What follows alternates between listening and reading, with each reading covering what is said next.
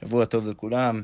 דף של היום הוא סוכת דף כ"ד, ואנחנו מצאנו אתמול בדף כ"ד עמוד א', בשורה הראשונה, במילה האחרונה בשורה, היפוך. אה, אנחנו סיימנו את הדף אתמול עם קושייה, אה, אז בואו רק נזכיר לעצמנו מה הייתה הקושייה, ואז אה, נראה את התירוץ של הגמרא. אז אתמול אמרנו, ראינו מחלוקת בין רבי מאיר ורבי יהודה לגבי בן אדם שמשתמש בבהמה לדופן הסוכה. ראינו שרבי מאיר פוסל ורבי יהודה מכשיר. ראינו בזה מחלוקת אה, בין האמוראים לגבי מה הסברה של רבי מאיר. למה רבי מאיר פוסל אה, סוכה שיש, אה, שהשתמשו בבהמה לדופן שלה. ובזה אמר אביי שרבי מאיר חושש שמא תמות הבהמה ואז היא תיפול וכבר לא יהיה דופן, ורבי זירא אמר שמא תברח. עכשיו, לשיטת אביי שהסביר שרבי מאיר אומר ש, אה, שצריך לפסול את הסוכה בגלל שמא תמות, אז הקשה הגמרא ואמרה שלכאורה אביי לא ככה הבין את רבי מאיר בהקשר אחר. כי בהקשר אחר יש שתי uh, משניות שסותרות אחת את השנייה בענייני גיטין, שמשנה אחת אומרת שבת ישראל שניסית לכהן והלך בעלה למדינת הים אוכל בתשומה וחזקת שהוא קיים, ואפשר להניח שהוא עדיין קיים, ובמשנה אחרת כתוב שהרי גיט, זה גיטי שעה אחת קודם מיתתי אסורה לאכול בתשומה מיד, ששמה אה, משמע שאנחנו מניחים שה, שהבעל מת, צריך לחשוש שהוא מת, צריך לחשוש שמא תמות, אה, שמא מת, ו, אה, וכדי לפתור את הקושה, לתרץ את הקושה בין שתי משניות, אז אביי אמר שם, במסכת גיטין, שה, לא קשה, הרבי מאיר, יהודה, ומה הכוונה? הרבי מאיר דלא חייש למיתה, והרבי יהודה דחייש למיתה, שזה כבר קשה על, על ההסבר של אביי כאן אצלנו, כי כאן אביי אמר שרבי יהודה הוא ההוא שלא חושש, ולכן אפשר להשתמש בבהמה לדופן הסוכה, ורבי מאיר חושש. אז לכאורה זה קשה. עכשיו, למה בהתחלה הבנו שאביי שמה מתרץ ואומר שרבי מאיר לא חושש למיטה ורבי יהודה כן חושש, שדרך זה הגענו לסתירה אמ, בין בין התירוץ של אביי שם ובין מה שהוא אומר כאן, בגלל שיש עוד מקרה שבן אדם שלוקח יין מבין הכותים ורוצה להפריש ממנו תרומות ומעשרות, אז רבי מאיר אומר שהוא יכול קודם כל לשתות ולהגיד שבעתיד הוא יפרוש את מה שנשאר מה... הוא יפריש את מה שנשאר כתרומות ומעשרות. ועל זה חלק רבי יהודה ואמר שאי אפשר לעשות את זה, שמא ייבקע הנוד וישפך היין, והוא כבר לא יצליח להפריש את התרומות ומעשרות כמו שהוא אמר. ודווקא שם אנחנו רואים שרבי מאיר לא חושש לתוצאה הכי גרועה, ורבי יהודה כן חושש. בגלל זה אביי תירץ שם ואמר שרבי מאיר לא חושש אה, אה, אה, למיתה, ולכן הוא ההוא שאומר שהאישה עדיין יכולה לאכול תשומה, ורבי יהודה חושש למיתה, הוא חושש לתוצאה הכי גרועה, ולכן, אה, אה, ולכן, אה, ולכן הוא בא ואומר ש, אה, שהאישה לא יכולה לאכול את התשומה. עכשיו, בגלל זה אנחנו אמרנו שזה לכאורה קשה על הסוגיה שלנו. אז הגמרא מתרצת פה היפוך.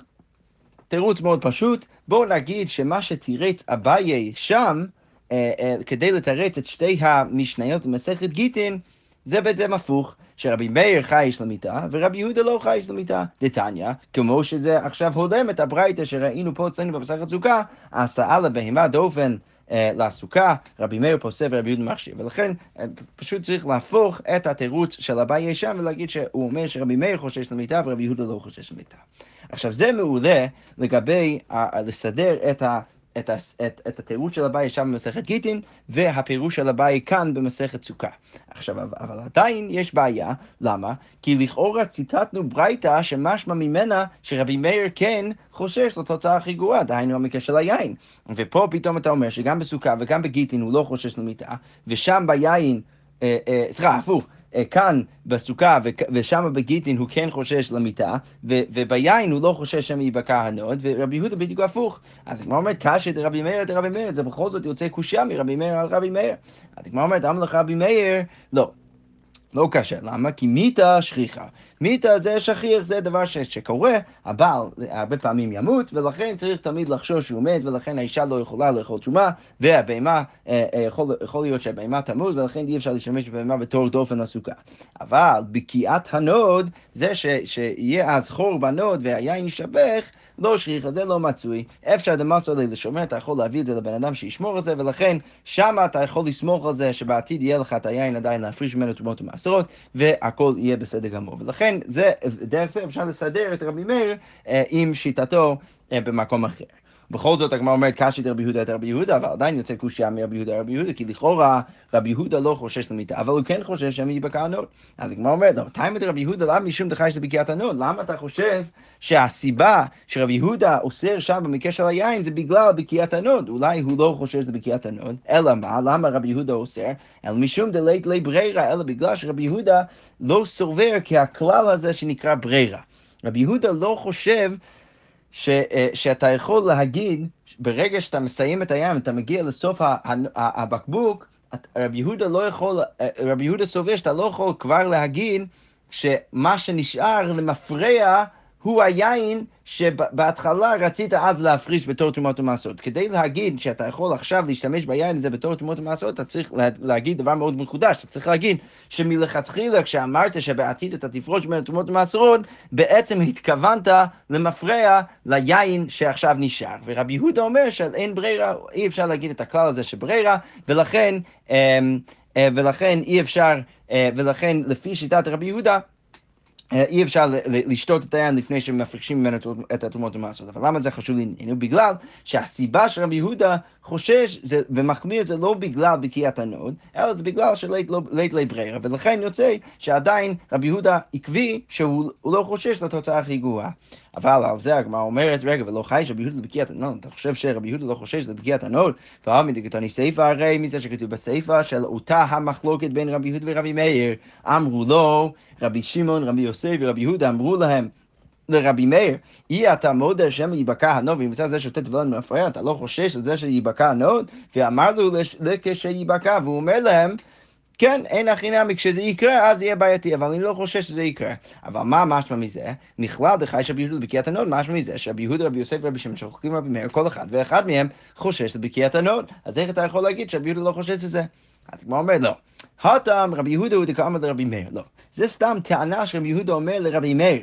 הוא אומר לו ככה, לדידי לית לי ברירה. לית לי ברירה, אני לא סובר שיש ברירה ולכן בכלל זה לא יעבוד. אבל לשיטתך, אלא לדידך, יש ברירה שאתה חושב שיש ברירה ולכן אולי יש אופציה תיאורטית לשתות לפני שאתה מפריש את התרומות ומעשרות, בכל זאת זה לא אמור לעבוד, למה? אי-אתה מודה דשמא ייבקע הנוד, אתה לא חושש לשמא ייבקע הנוד, לשיטתך רבי מאיר שאתה חושש לדברים, לתוצאה הכי גרועה, אתה צריך לחשוש לזה, ואמר לי לכשייבקע, ואומר לא, אם זה יקרה זה יהיה בעייתי, אבל אה, כל עוד זה לא קורה אני לא חושש לזה.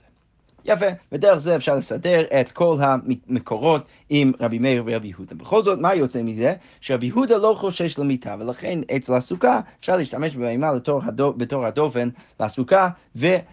אה, וגם האישה שהלך בעלה למדינת הים עדיין יכולה לאכול תשומה.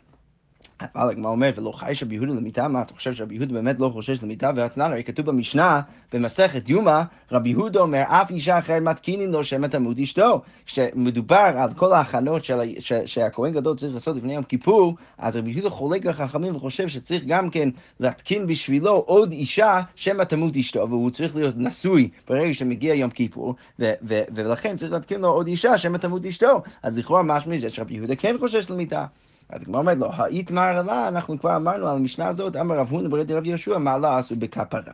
הסיבה שרבי יהודה מצריך להתקין עוד אישה, אה, אה, אה, שם התלמוד אשתו, זה לא בגלל שבדרך כלל הוא חושש למיטה, אלא רק בגלל שמדובר על יום כיפור, מדובר על כפרה של כל העם, ולכן מעלה עשו בכפרה שצריך עוד יותר קצת לחשוש לדבר הזה, שאולי אז האישה תמות, ולכן צריך שיהיה פתרון לזה.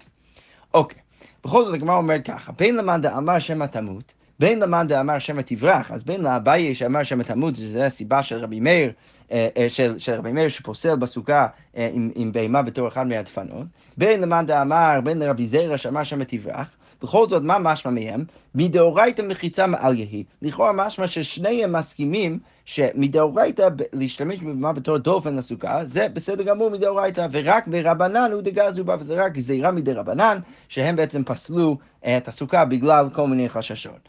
אז מה משמע מזה? אלא מעט הגמרא אומרת, רבי מאיר תיתמי משום גולל, אבל רגע, יש עוד שיטה של רבי מאיר שלכאורה משמע שזה לא כל כך הגיוני.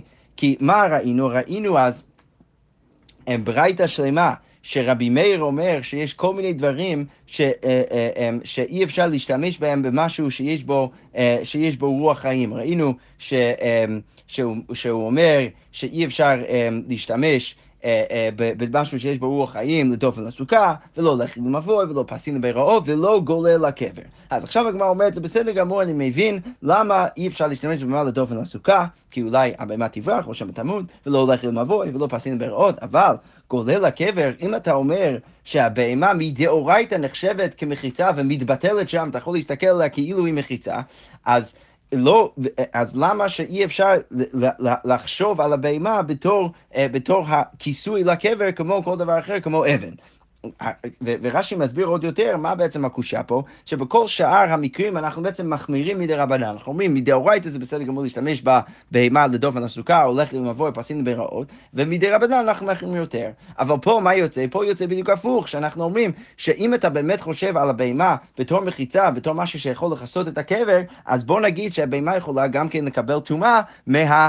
אה, אה, מהגוף מת, שזה בעצם בדרך כלל הדין של גולל, אבל אבל, אה, אבל זה שאתה, אה, אה, זה מאוד מוזר שזה יוצא, שרבי מאיר בעצם בא ואומר שמדאורייתא זה אמור לקבל טומאה, ורק מדרבנן אנחנו אומרים שזה לא מקבל טומאה. כי אז יוצא שבעצם אנחנו מקילים בדין דרבנני במקום...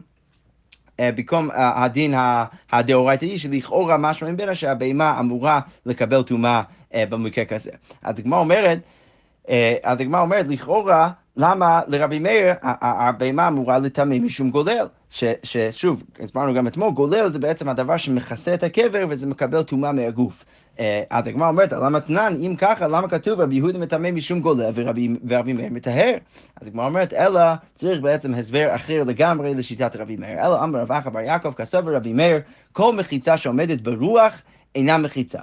כל דבר, כל מחיצה שיכולה אז לעמוד אה, ברוח, מה הכוונה? שרש"י אה, אומר על ידי רוח, שיש בעצם רוח בתוך הבהמה, שזה בעצם הדבר שמעמיד את, את הבהמה, אז אינה מחיצה.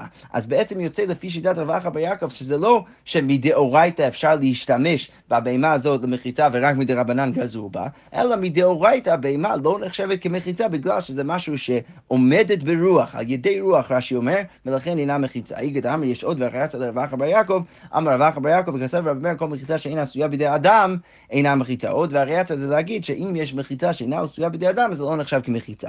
אבל בין ללישנא קמא ובין ללישנא בתא, בכל זאת יוצא שרבי מאיר אומר שאפילו מדאורייתא זה לא נחשב כמחיצה, ולכן זה גם כן פותר לנו את הבעיה של גולל, זה מסביר למה במקרה אה, של גולל, רבי מאיר יגיד שהדבר, הבהמה לא מקבל טומאה. אוקיי, בכל זאת, כבר אומר, מאי בינייהו, מה, איזה נפקא מינה יש בין ה... אה, בין, אה, בין שני הלישנות ברב אחא בר יעקב. אז הגמרא אומרת, איכא בינייהו אפשר להביא נפקא מינה דאוקמה בנוד תפוח. אם הוא בעצם שם נוד, שזה איזה מין שק, אה, תפוח עם אוויר בתוכה.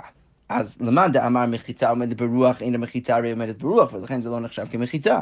למאן דאמר אינה עשויה בידי אדם, אבל למאן דאמר שהדבר היחיד שלא נחשב כמחיצה זה דבר שאינה עשויה בידי, בידי אדם, כמו בהמה, הרי עשויה בידי אדם, ולכן זה אמור וראוי להיות מחיצה. אוקיי, אמרנו גם כן בברייתא שציטטנו למעלה כל מיני דברים שאי אפשר לעשות איתם, הם, הם, הם, אותם בדברים שיש בהם רוח חיים, אז רבי יוסי הגלילי הוסיף לרשימה של רבי מאיר ואמר ככה, משום רבי יוסי הגלילי אמרו, אף אין כותבין עליו גיטי נשים, אי אפשר לכתוב על בהמה גיטי נשים. אז כמו אומרת, מה טעמי דרבי יוסי הגלילי? למה רבי יוסי הגלילי אומר שאי אפשר לכתוב על בהמה גיטי נשים. דתניא, ספר, כתוב uh, בתורה ש, ש, שבן אדם, שהוא מגרש את אשתו, צריך להביא לספר כריתות, אז כתוב ספר, אז מה הלימוד? אין לי אלא ספר, מניין לרב על כל דבר. מאיפה אני יודע ש, אה, שאפשר לכתוב את הגט על כל דבר? תלמוד לומר, וכתב לה, מכל מקום אפשר לכתוב על כל דבר. אה, אם כן, מה תלמוד לומר ספר? אז למה כתוב ספר? לומר לך, מה ספר דבר שאין בו רוח חיים ואין אוכל? אז אף כל דבר שאין בו רוח חיים ואין אוכל, ולכן משם אנחנו לומדים שאי אפשר לכתוב גיטי נשים לא על דבר שיש בו רוח חיים, דהיינו בהמה, ולא על אוכל.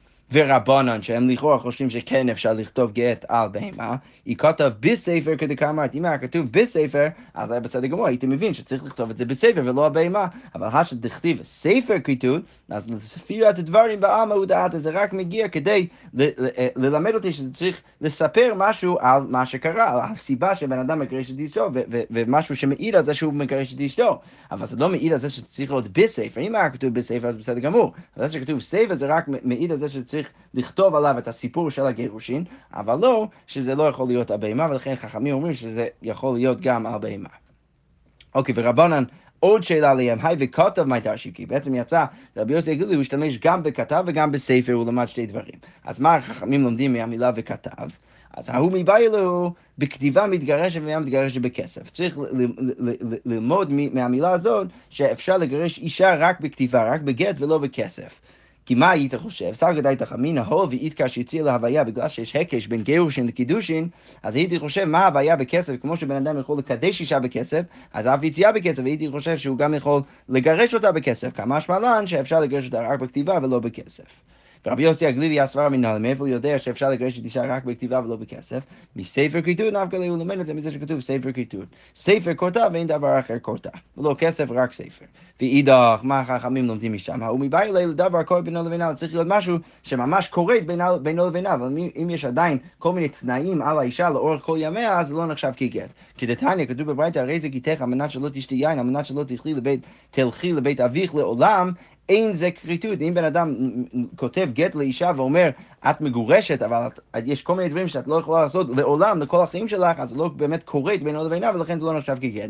אלא אם הוא כותב כל 30 יום, שרק עוד 30 יום את לא יכולה לשתות יין, או ללכת לבית אביך, אז אחרי זה כריתות, ולכן זה נחשב כגט. אז חכמים לומדים, מזה שכתוב ספר כריתות, הם לומדים שצריך להיות משהו שקורית בינו לבינה.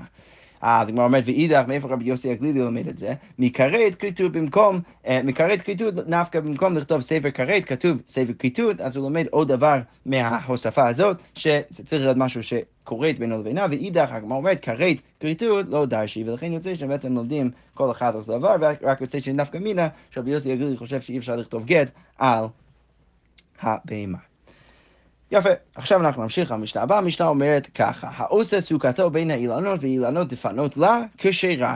אז כמו אומרת, אמר רב אחא בר יעקב, כל מחיצה שאינה יכולה לעמוד ברוח מציאה אינה מחיצה. אז קודם כל חשוב להעיר שזה בדיוק אותה ממרה שראינו למעלה על שיטת רבי מאיר, להסביר למה רבי מאיר חושב שאי אפשר להשתמש בבהמה בתור דופן הסוכה. פה הוא אומר את זה ישירות על... או, או, או טוב, אולי לא ישירות על המשנה שלנו, אבל הוא אומר את זה קצת בהקשר יותר כללי, שהוא בא ואומר, כל מחיצה שאינה יכולה לעמוד ברוח מצויה, אינה מחיצה. אוקיי, אז עכשיו אנחנו נביא כמה ראיות לכאן ולכאן לשיטת אחא בר יעקב. אז כמו אומרת, קודם כל כתוב במשנה שלנו ככה, אתנן, האות זוקתו בין האילנות ואילנות דפנו לה כשרה. אז כמו אומרת, ואחר כך עזבתי, הרי האילנות אה, הולכים אה, אה, וזזים ברוח, אז לכאורה זו מחיצה שאינה יכולה לעמוד ברוח מצויה.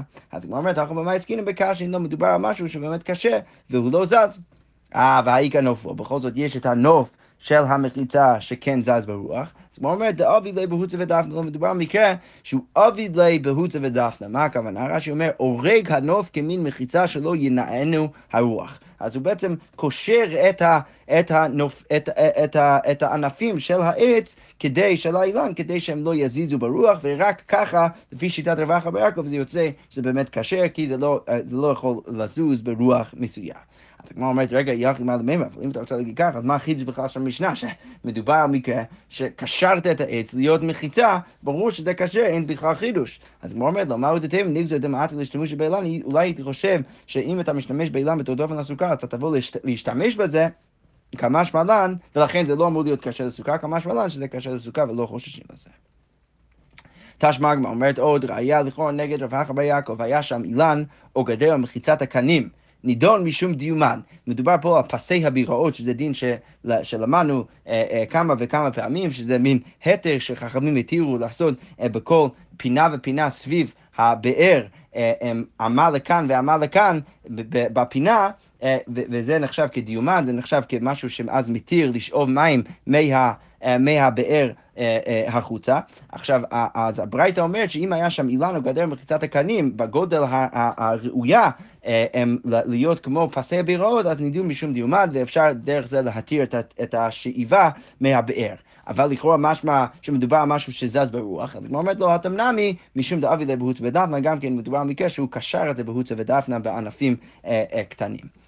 אוקיי, אז כמו אומרת, תשמע אילן המסך על הארץ. אם יש אילן שהענפים שלה מגיעות עד הקרקע, או כמעט עד הקרקע, אז אם אין נופו גבוה מן הארץ שלושה טווחים, וזה מגיע כמעט עד הקרקע, תוך שלושה טווחים מהקרקע, אז מטלטלים תחתיו, כי אפשר להגיד לבוד, ואפשר להסתכל על כל הנופים סביב האילן כמחיצה אחת, ואפשר לטטל מתחת לענפים.